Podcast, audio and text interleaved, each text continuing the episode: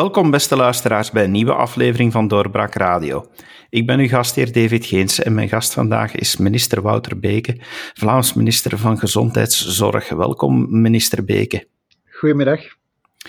Minister Beke, u hebt onlangs eh, mee aan de kar getrokken om een sociaal akkoord te sluiten in de verzorgingssector, in de zorg- en welzijnssector.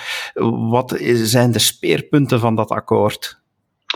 Wel, het is een belangrijk sociaal akkoord, een historisch sociaal akkoord. Uh, en dat zijn niet mijn woorden, maar dat zijn uh, de woorden van uh, zowel de vakbonden als van de werkgeversorganisaties. En tegen dat zij het woord historisch in de mond nemen, wil dat wel wat zeggen, maar dat was toch ook wel de appreciatie van het hele parlement, zowel meerderheid als oppositie. En ik denk dat het ook wel historisch is, omdat het inzet op ten eerste een betere waardering, meer waardering voor mensen die werken in zorg en in welzijn. Dat was uh, absoluut noodzakelijk. Daar zijn in de vorige sociale akkoorden stappen toe gezet, maar dit is toch wel een echte kwantumsprong. Ten tweede zet het ook in op uh, meer handen aan het bed, meer mensen, uh, om op die manier meer in te zetten op kwaliteit. En dat is denk ik een tweede belangrijke verdienste van dit sociaal akkoord, die ook wel absoluut noodzakelijk waren. Het zet daarmee ook wel de uitdaging voor de toekomst op scherp, want uh, de vraag nu uh, voor de komende periode zal zijn, hoe gaan we die meer handen vinden? Een noodzakelijke, maar onvoldoende voorwaarde, maar wel een noodzakelijke voorwaarde was een betere verloning, betere arbeidsomstandigheden en ook ervoor kunnen zorgen dat de mensen meer tijd zouden kunnen hebben voor datgene waar dat ze voor gekozen hebben als ze aan hun opleiding begonnen, namelijk zorg te dragen voor anderen dat ze dat ook op een goede manier konden doen. En dus die twee dingen die hangen natuurlijk wel samen met het derde punt, namelijk in de toekomst zorgen dat de mensen dat uh, mogelijk maken. Als u weet dat wij vandaag al, alleen al in de woonzorgcentra meer dan duizend vacatures hebben, dan ziet u wel wat die uitdagingen zijn. Over hoeveel extra werknemers praten we hier in de sector? Wel, we spreken toch op uh, minstens 3700 VTE's, voltijdse equivalenten. Uh, veel mensen werken niet voltijds in de zorg, uh, dus in het aantal mensen zal dat uh, ongetwijfeld een pak meer zijn. En dat komt nog bovenop het uitbreidingsbeleid dat we ook beslist hebben in het regeerakkoord. Dat gaat over een 10.000 VTE's. Dus als ik die drie dingen samenneem, de 10.000 VTE's in het uitbreidingsbeleid, de 3.700 in het sociaal akkoord, en de vacatures die openstaan, ja, dan gaan wij op zoek moeten gaan naar uh, een goede 15.000 mensen. U zegt dat gaat bijdragen aan de kwaliteit. Uh, gaat, op welke manier gaat dat het verschil maken in de kwaliteit in de zorg? Wel, het gaat bijdragen tot de kwaliteit, omdat we met uh, meer mensen zullen zijn om zorg te dragen voor, voor, voor mensen die zorg nodig hebben in de woonzorgcentra. Bijvoorbeeld, ja, hoe meer mensen je aan het werk hebt, hoe meer dat je zorg kan dragen voor de mensen die er zijn. Dat is nogal vanzelfsprekend. Maar ook omdat we meer flexibiliteit gaan toelaten. En die flexibiliteit is echt wel noodzakelijk. Ik vind dat minstens een zo uh, belangrijk uh, element. Flexibiliteit wordt vaak heel negatief omschreven. Hè? Uh, maar hier gaat het over het flexibel kunnen inzetten van personeel. Uh, wanneer dat je in een woonzorgcentrum vacatures hebt staan voor een verpleegkundige, maar je krijgt die niet ingevuld, ja, dan kan je wel zeggen, ik heb een vacature openstaan, maar eigenlijk ben je daar niks mee. En dan helpt het ook niet dat de overheid zegt, maar weet je wat, we gaan u een zak geld geven voor een tweede vacature voor een verpleegkundige. Want als je die niet hebt, ja, dan zal een, die zak geld voor een tweede ook niet helpen. En voor een derde zal u die ook niet helpen. En dus moet je durven zeggen, en dat is hetgeen wat we nu ook gedaan hebben in een akkoord met werkgevers en werknemers, dat we ook wel naar andere profielen gaan kijken uh, voor, uh, voor mensen. En dat kunnen zorgkundigen zijn, verzorgenden zijn, maar dat kunnen ook uh, ja, andere profielen zijn die bijvoorbeeld meer inzetten op het psychologisch welzijn van de mensen in een, in een woonzorgcentrum, in een voorziening, op andere plaatsen enzovoort. Dus die flexibiliteit, die, uh, die, moet dat, uh, die moet dat toelaten naar de toekomst toe. En ik denk dat dat op die manier de kwaliteit echt wel kan, kan verbeteren en vergroten naar de toekomst toe. Betekent dat ook dat er meer plaatsen zullen komen in de zorgsector? Wel, op een aantal terreinen wel. Ehm, als ik terug even kijk naar de woonzorgcentra, maar het akkoord is veel breder dan alleen de woonzorgcentra. Het gaat ook over de gezinszorg, de thuiszorg, het gaat ook over de kinderopvang, het gaat ook over de mensen uh, die werken in een, uh, voorzieningen voor personen met een handicap. Maar als ik bijvoorbeeld neem in uh, de woonzorgcentra, ja, dan zie je dat in de vorige legislatuur men vooral ingezet heeft op kwantiteit. Meer bedden. En dat was ook wel noodzakelijk. Ik doe geen, geen afbreuk aan de keuzes die toen gemaakt zijn. Want toen kwamen we in een situatie waarbij dat, uh, ja, er veel plaatsen tekort zouden zijn. Vandaag zien we dat we het vooral moeten inzetten om die plaatsen ook kwalitatief beter te kunnen organiseren en omkaderen. Waarbij dat we ook in de toekomst nog bijkomende capaciteit zullen nodig hebben hè, tegen 2030. Ja, dan zullen we toch wel opnieuw ook heel veel mensen bijkomend nodig hebben. Um, alleen al als we de vergelijking zouden maken, ongeveer 1 op de 4, 1 op de 5 85-plussers uh, verblijft in een woonzorgcentrum. Uh, dat is de voorbije jaren ook een ander profiel geworden. Het profiel van de mensen die vroeger in een woonzorgcentra zaten, uh, ja, dat, waren, dat was de, bij wijze van spreken de alleenstaande man die, uh, of, of vrouw die naar een woonzorgcentrum ging, die overdag met zijn fiets uh, naar het duivenlokaal ging en die s'avonds terugkwam om, om, om zijn eten te kunnen hebben, maar die eigenlijk nogal zelfredzaam was. Vandaag de dag zien we dat die zorgzwaarte toch wel veel groter geworden is.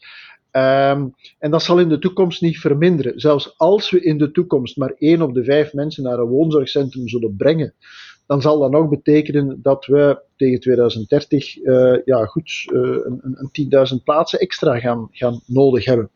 Um, maar dat wil zeggen dat die bijkomende capaciteit om zorg te dragen voor die mensen, ook via de thuiszorg en via mengvormen, zal moeten georganiseerd worden, dat die ook veel buurtgerichter zal moeten zijn. Dus ik denk dat dat uh, elementen zijn waar dat we in de toekomst zeker werk voor moeten dragen. Maar terug kort samengevat, de vorige legislatuur heeft vooral ingezet op uh, kwantiteit, meer plaatsen, meer bedden. Dit, uh, deze legislatuur, deze periode, willen we vooral inzetten op de kwaliteit. Uh, zorgen de, uh, ervoor zorgen dat uh, ja, de bedden die er zijn, dat die ook kunnen gevuld worden met mensen met hogere zorgnoden, die dus ook door meer mensen kunnen, kunnen aan bod komen die zorg kunnen geven. Als er natuurlijk meer uh, geld is om mensen aan te werven, dan is inderdaad de volgende zorg, en u verwees er al naar, om die mensen te vinden. Dat, uh, dat wordt ook een behoorlijke uitdaging wordt daar al gekeken vanaf het punt bijvoorbeeld van de opleiding, om meer mensen uh, ja, naar die opleidingen toe te krijgen, om andere profielen te gaan laten herscholen? Zijn, zijn daar bepaalde plannen rond? Ja, en dat is ook een en-en-en-verhaal. Het begint bij um, het uh, attractief maken en de keuzes veel uh, duidelijker stellen voor degenen die vandaag 15, 16, 17, 18 jaar zijn, op de schoolbanken zitten en de keuzes van de toekomst kunnen maken. Maar eigenlijk al daarvoor, en dat staat ook in het sociaal akkoord, dat we wat stem is uh, in de opleiding en de keuze die daar gemaakt wordt, dat we ook een soort stem voor welzijn en zorg moeten kunnen hebben. Met een heel duidelijke focus van jonge mensen, jonge vrouwen, jonge jonge jongens, uh, om te zeggen, kijk, als dat iets is voor u, maak dan uitdrukkelijk die keuze, want die kan u leiden naar dit soort van jobs. En uh, van vele dingen zijn we niet zeker, maar van één ding ben ik wel zeker. Dat is dat uh, wie kiest voor de zorg ook wel een grote zekerheid van job heeft. Uh, als, hij het, uh, als hij het tenminste op een goede manier weet, weet aan te pakken. Omdat de noden zo groot zijn. Dus Eerste, eerste element is de instroom. Ervoor zorgen dat de attractiviteit van de keuze van de opleiding groter wordt, dat die jonger gemaakt wordt en dat de gevoeligheid daarvoor ook um, vergroot. Daarvoor spelen natuurlijk die arbeidsvoorwaarden ook wel een rol. Hè, want op een of andere manier, uh, het is misschien niet de eerste drijfveer als je 17, 18 jaar bent. Maar we moeten daar ook niet naïef in zijn. Het speelt natuurlijk ook wel ergens een rol. Uh, dus daarmee verwijs ik terug naar het uh, sociaal akkoord. Tweede is um, de zij-instromers. Dat wil zeggen, diegenen die vandaag al op een ander pad zitten, um, maar die nog geen, uh, uh, maar die een, een, nieuwe keuze kunnen maken. of die een vroeger gemaakte keuze opnieuw maken. Uh, ik ben de voorbije maanden aardig wat mensen tegengekomen die mij gezegd hebben: ik werk bijvoorbeeld in, in de horeca. Maar met de situatie weet ik niet of dat ik dat in de toekomst nog ga kunnen doen. Maar ik heb wel een opleiding als verzorgende, als zorgkundige. Ik ben ooit begonnen en heb een diploma als verpleegkundige. Maar na een jaar of 15, 20 gezegd, ik wil iets anders doen, maar eigenlijk wil ik dat opnieuw doen. Wel, dat soort van, van, van, van mensen kunnen we natuurlijk ook gebruiken. Dat is een tweede belangrijke component ook die in dat akkoord staat en waar we ook in de toekomst verder willen aan werken. Derde element zal zijn, uh, jammer genoeg, vrees ik dat we ook in de komende periode wel met problemen op de arbeidsmarkt geconfronteerd gaan worden. En dat de, de, economische fallout van deze coronacrisis zich nog wel gaan laten, laten voelen. Wel, die mensen die dan uh, in, in, zonder job komen te zitten, ja, die moeten we ook, en daar is een grote opdracht voor de VDAB weggelegd, die moeten we natuurlijk ook kunnen ja, heroriënteren. En daar is een opdracht in, de job, in, in, zorg en welzijn een, een belangrijk element. Vierde element, dat is ook kijken en uh, mijn collega Sami Medi heeft daar uh, gisteren ook nog een communicatie rond gedaan. Ja, mensen die, die hier in ons land toekomen, um, maar die in zaken zorg wel ervaringen, skills hebben die ze hebben opgedaan in hun, het land waar dat ze van komen, of bereid zijn om die hier op korte termijn aan te kweken, ja, die kunnen we best ook wel gebruiken. Hè. Dus vandaar dat ik zeg, het zal echt wel een en-en-en verhaal worden de aantrekkelijkheid van een beroep bestaat niet alleen uit de verloning. Uh, mensen die in de zorgsector en, en algemeen eh, zorg, breedhouderzorg, kinderopvang, gehandicaptenzorg, uh, die daarin terechtkomen, die hebben natuurlijk ook nood om met die flexibiliteit waar u het ook al over had, uh, om daarmee te kunnen opgaan. Zij hebben dan bijvoorbeeld ook nood aan een gedegen kinderopvang. Uh, zijn dat zaken, ik noem dit nu als voorbeeld, zijn dat zaken waar ook meer ondersteuning gaat geboden worden, zodanig dat de mensen die willen werken in de sector het ook makkelijker gaan kunnen combineren met hun privéleven? Ja, en uh, er is ook een belangrijk luik voorzienende kinderopvang. Wij voorzien in ons uh, klassiek uitbreidingsbeleid 60 miljoen. Daar komt nu bij dit sociaal akkoord nog een 60 miljoen extra bij. Dus dat is in totaal een 120 miljoen euro die, daar, uh, die daarbij komt. En die dus toch wel een, uh, ja, um, een groot belang zijn om ook daar de aantrekkelijkheid te vergroten, maar vooral ook om de bijkomende capaciteit mogelijk te maken mensen die uh, nu, nu zeggen van ja oké, dit, dit is een keuze naar de toekomst toe. Um, kunnen zij dan makkelijk zelf initiatieven nemen? Want ja, die, die plannen die zijn nu beslist, maar en mensen horen dit. Er zullen onder onze luisteraars ook mensen zijn van wat, wat zijn de uitvoeringstermijnen? Wanneer gaan, gaat dit eigenlijk allemaal effecten krijgen? Iemand die nu zegt van oh, dit klinkt interessant, ik wil aan de slag. Uh, ja, die kan bij wijze van spreken misschien morgen al wel naar de VDAB, omdat er, uh, omdat er mogelijkheden zijn. Maar, maar dit hele plan, over welke termijn praten we?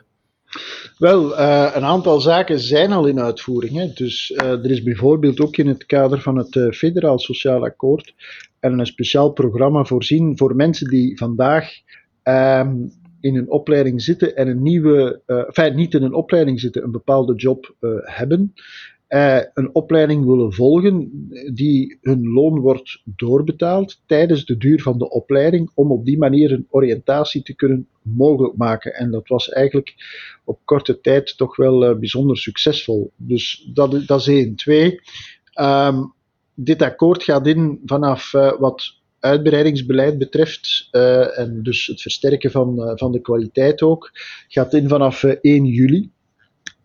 Um, dus dat betekent eigenlijk dat wel op korte tijd uh, ja, men, uh, men daar wel mogelijkheden toe heeft. En uh, ook wat de VDAB betreft, bijvoorbeeld mijn collega Hilde Krevits is, is druk, druk in de weer om, om dat allemaal ook op sporen te zetten. U zei daar straks ja, dat, er, dat dit eigenlijk op groot applaus wordt onthaald, dat, er, dat het historisch wordt genoemd er zijn hier en daar toch ook wel geluiden te horen die zeggen van oké, dit is heel goed dat dit gebeurt, maar we moeten tegelijk ook kijken dat er een aanpassing gebeurt aan, aan de manier waarop we ouderenzorg organiseren.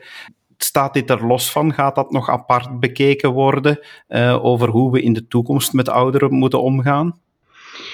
Wel, ik denk dat we inderdaad in de toekomst. Um, het, het ouderenbeleid is niet alleen een uh, woonzorgbeleid. Dat, is, dat is nogal vanzelfsprekend, maar daarmee trap ik eigenlijk een, een open deur in.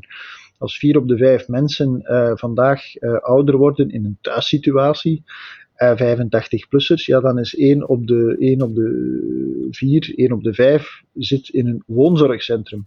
En dus dat betekent dat je daar een en-beleid zult moeten rond, uh, rond voeren. Um, en ik denk ook, enfin, ik maak nu even een, zijsprongetje naar de vaccinatiegraad en de vaccinatiebereidheid. Uh, we, hebben, we hadden een hoge vaccinatiebereidheid in de woonzorgcentra. Men zei dan, ja, maar ja, dat komt natuurlijk omdat men daar wel een en ander beleefd heeft.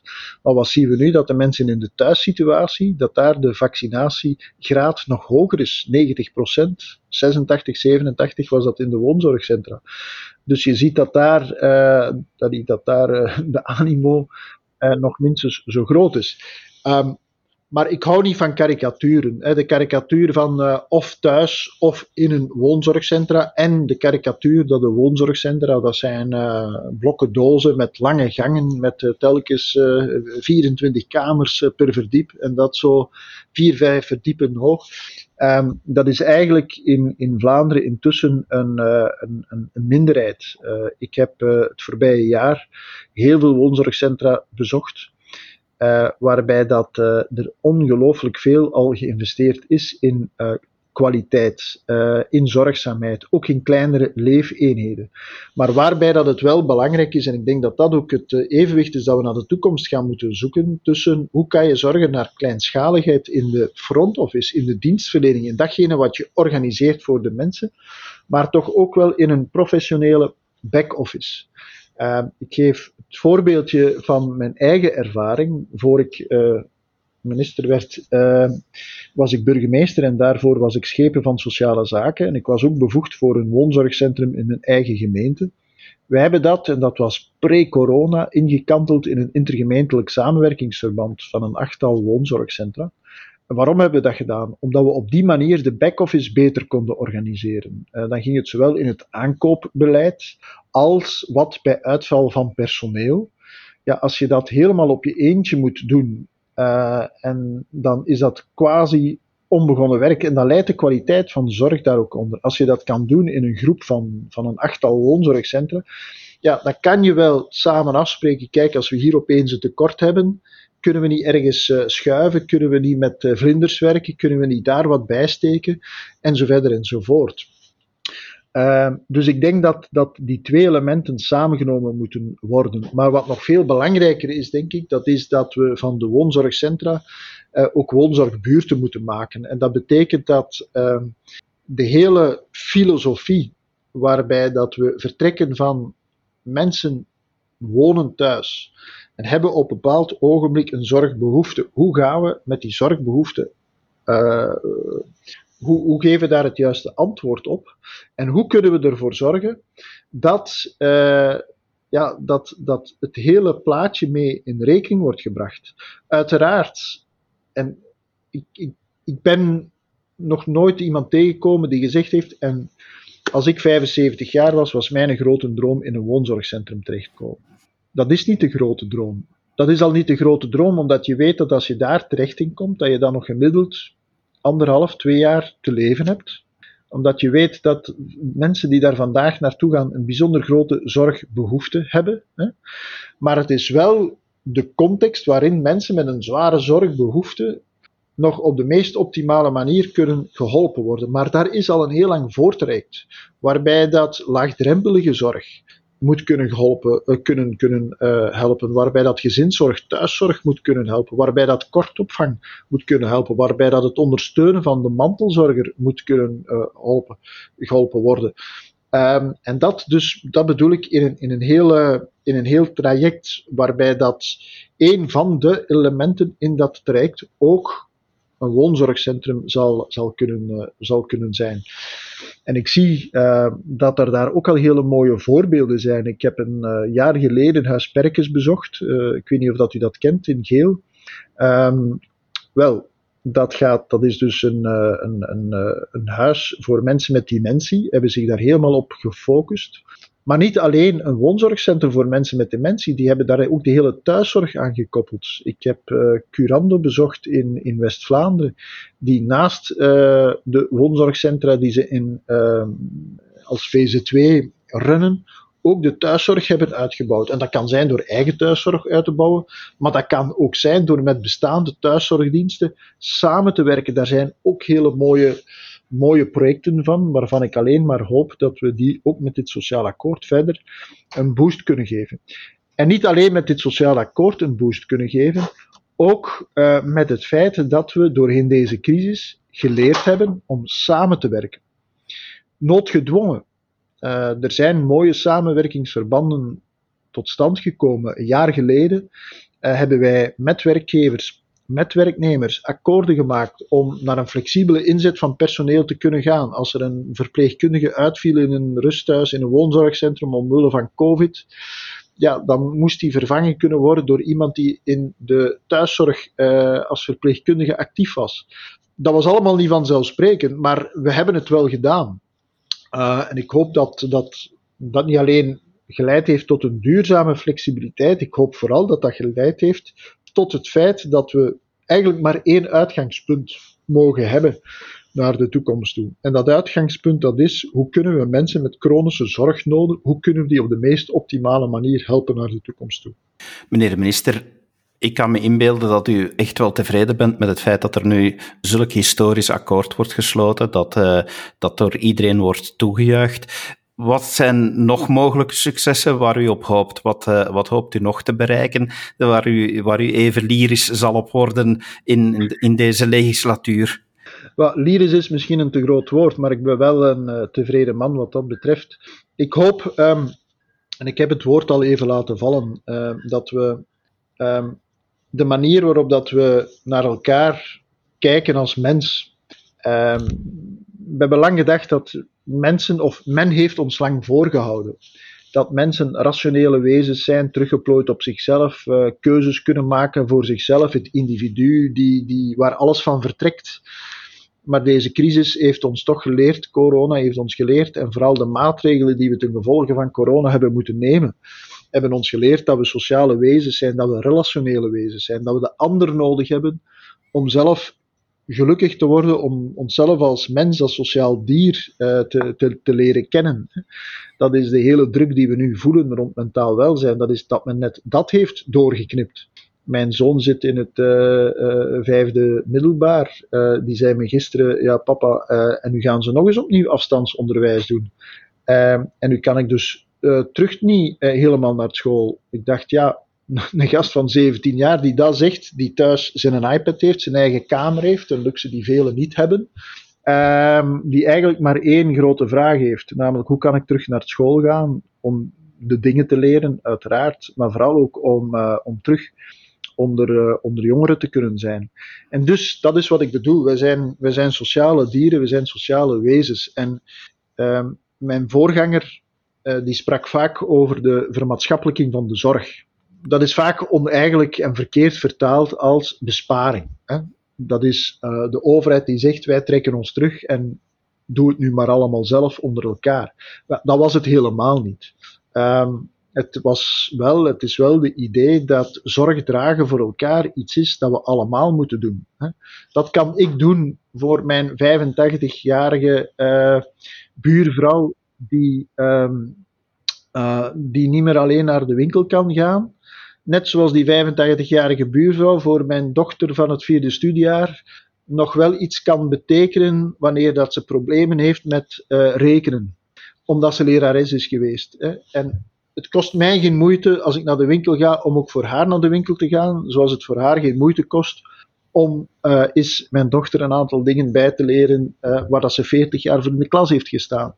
Wel, zorgzaam zijn en zorg dragen voor elkaar. Uh, en dat op een daar verder blijven in investeren. En dan bedoel ik niet alleen in geld, dan bedoel ik het ook in de manier waarop dat we als bestuur, lokale bestuur, maar ook als middenveldsorganisaties er kunnen zijn voor elkaar, vind ik belangrijk. En als ik dan spreek over woonzorgcentra die woonzorgbuurten moeten worden, dan hoop ik vooral dat we van de vele buurten in Vlaanderen ook zorgzame buurten kunnen, kunnen maken waarbij die voorbeeldjes die ik daarnet heb aangehaald, uh, maar kleine voorbeeldjes zijn, maar waarbij dat er ook grotere voorbeelden naar voren kunnen brengen. Um, vorig jaar uh, hebben heel veel steden en gemeenten ingezet om 80-plussers te bellen. Um, maar waarom zouden we dat in post-corona niet blijven doen? Want eenzaamheid, niet alleen met 80-plussers ten andere, maar eenzaamheid is wel een gigantisch grote uitdaging. Uh, we waren allemaal um, verbaasd, verbouwereerd toen we een tijdje geleden lazen dat er in een stad uh, iemand was die uh, gestorven was en die daar al weken in thuis lag. En de buren hadden niks gezien, uh, familie, vrienden, niemand had iets opgemerkt. Wel, um, er zijn vele dingen die we met kleine inspanningen allemaal samen voor elkaar kunnen doen. En die de professionele hulpverlening niet wegdrukken. Die ervoor kunnen zorgen dat de professionele hulpverlening op het juiste moment er kan zijn maar die intussen ook ervoor kan zorgen dat datgene wat we voor elkaar kunnen betekenen als mensen, uh, dat we dat op een nog meer doorgedreven manier kunnen doen. Niet, misschien niet in, zelfs niet in eerste instantie voor de ander, maar omdat we sociale dieren zijn en de ander nodig hebben om onszelf te leren ontdekken. Dat was toch Levinas, nietwaar? Dat is inderdaad uh, mooi om over na te denken. Meneer de minister, ik kan niet weggaan zonder dat ik ook vraag: Komt het in orde met vaccinatie? Komen we op kruissnelheid? Wel, deze week doen we 350.000 uh, eh, vaccins. Um, dat is, uh, dat is uh, heel wat. vorige week hebben we er een 250.000 gezet. Um, wij kunnen maar vaccineren op het tempo van de leveringen, maar die leveringen die er zijn, die, die plaatsen wij ook. Uh, dus uh, dat zie je nu ook in de cijfers wel, dat die gaandeweg stijgen. Ik hoop alleen maar dat we daar niet te veel kiezels meer in de schoen gaan krijgen. We hebben er vorige week uh, AstraZeneca gehad, Johnson Johnson, de leveringen van, van Moderna die problematisch zijn geweest. Dus daar hangen we natuurlijk van af, maar één garantie kan ik wel geven. Dat is dat in de logistieke voorbereiding ehm, dat daar de voorbije maanden, sinds eind vorig jaar, hard aan gewerkt is. Dat onze lokale besturen en onze eerste lijnzones met, en dat is toch wel een dubbele kracht van Vlaanderen, vind ik. Dat is uh, inzetten op die eerste lijn. Daarmee maken we echt wel het verschil in vergelijking met de andere regio's. Niet alleen in ons land, ook in andere landen. Wanneer dat we op het eind van de rit de vaccinatiegraad gaan vergelijken, dan zal dat daaruit blijken. En ten tweede, waar dat we een verschil in maken, uh, zonder twijfel, dat is de bijzonder grote bereid, bereidheid uh, van heel wat vrijwilligers om daar, om daar aan mee te helpen. Om ook daar te laten zien dat ze er kunnen zijn voor een ander. Mijn vader is huisarts, gepensioneerd, is nu vaccinatiearts in twee centra. En ik had hem zondag gezien en hij zei mij, ja, het doet toch goed om terug onder de mensen te kunnen zijn en iets te kunnen betekenen voor een ander. Wel, ik denk dat velen dat op dit ogenblik met een bijzonder grote toewijding in al die vaccinatiecentra doen. En wat de vaccins betreft, ik zou zeggen, laat ze maar komen. Ik denk dat dat een positieve noot is waarmee we kunnen afsluiten en waar iedereen deugd gaat van hebben om dat te horen. Meneer de minister, dank u wel voor uw tijd. Graag gedaan, tot ziens. En uw beste luisteraar, dank u wel dat u geluisterd hebt en graag tot de volgende keer. Dag. Dit was een episode van Doorbraak Radio, de podcast van doorbraak.be. Volg onze podcast op doorbraak.be/radio of via Apple Podcasts, Overcast of Spotify. Bezoek ook onze website op doorbraak.be en steun ons door een vriend te worden van Doorbraak.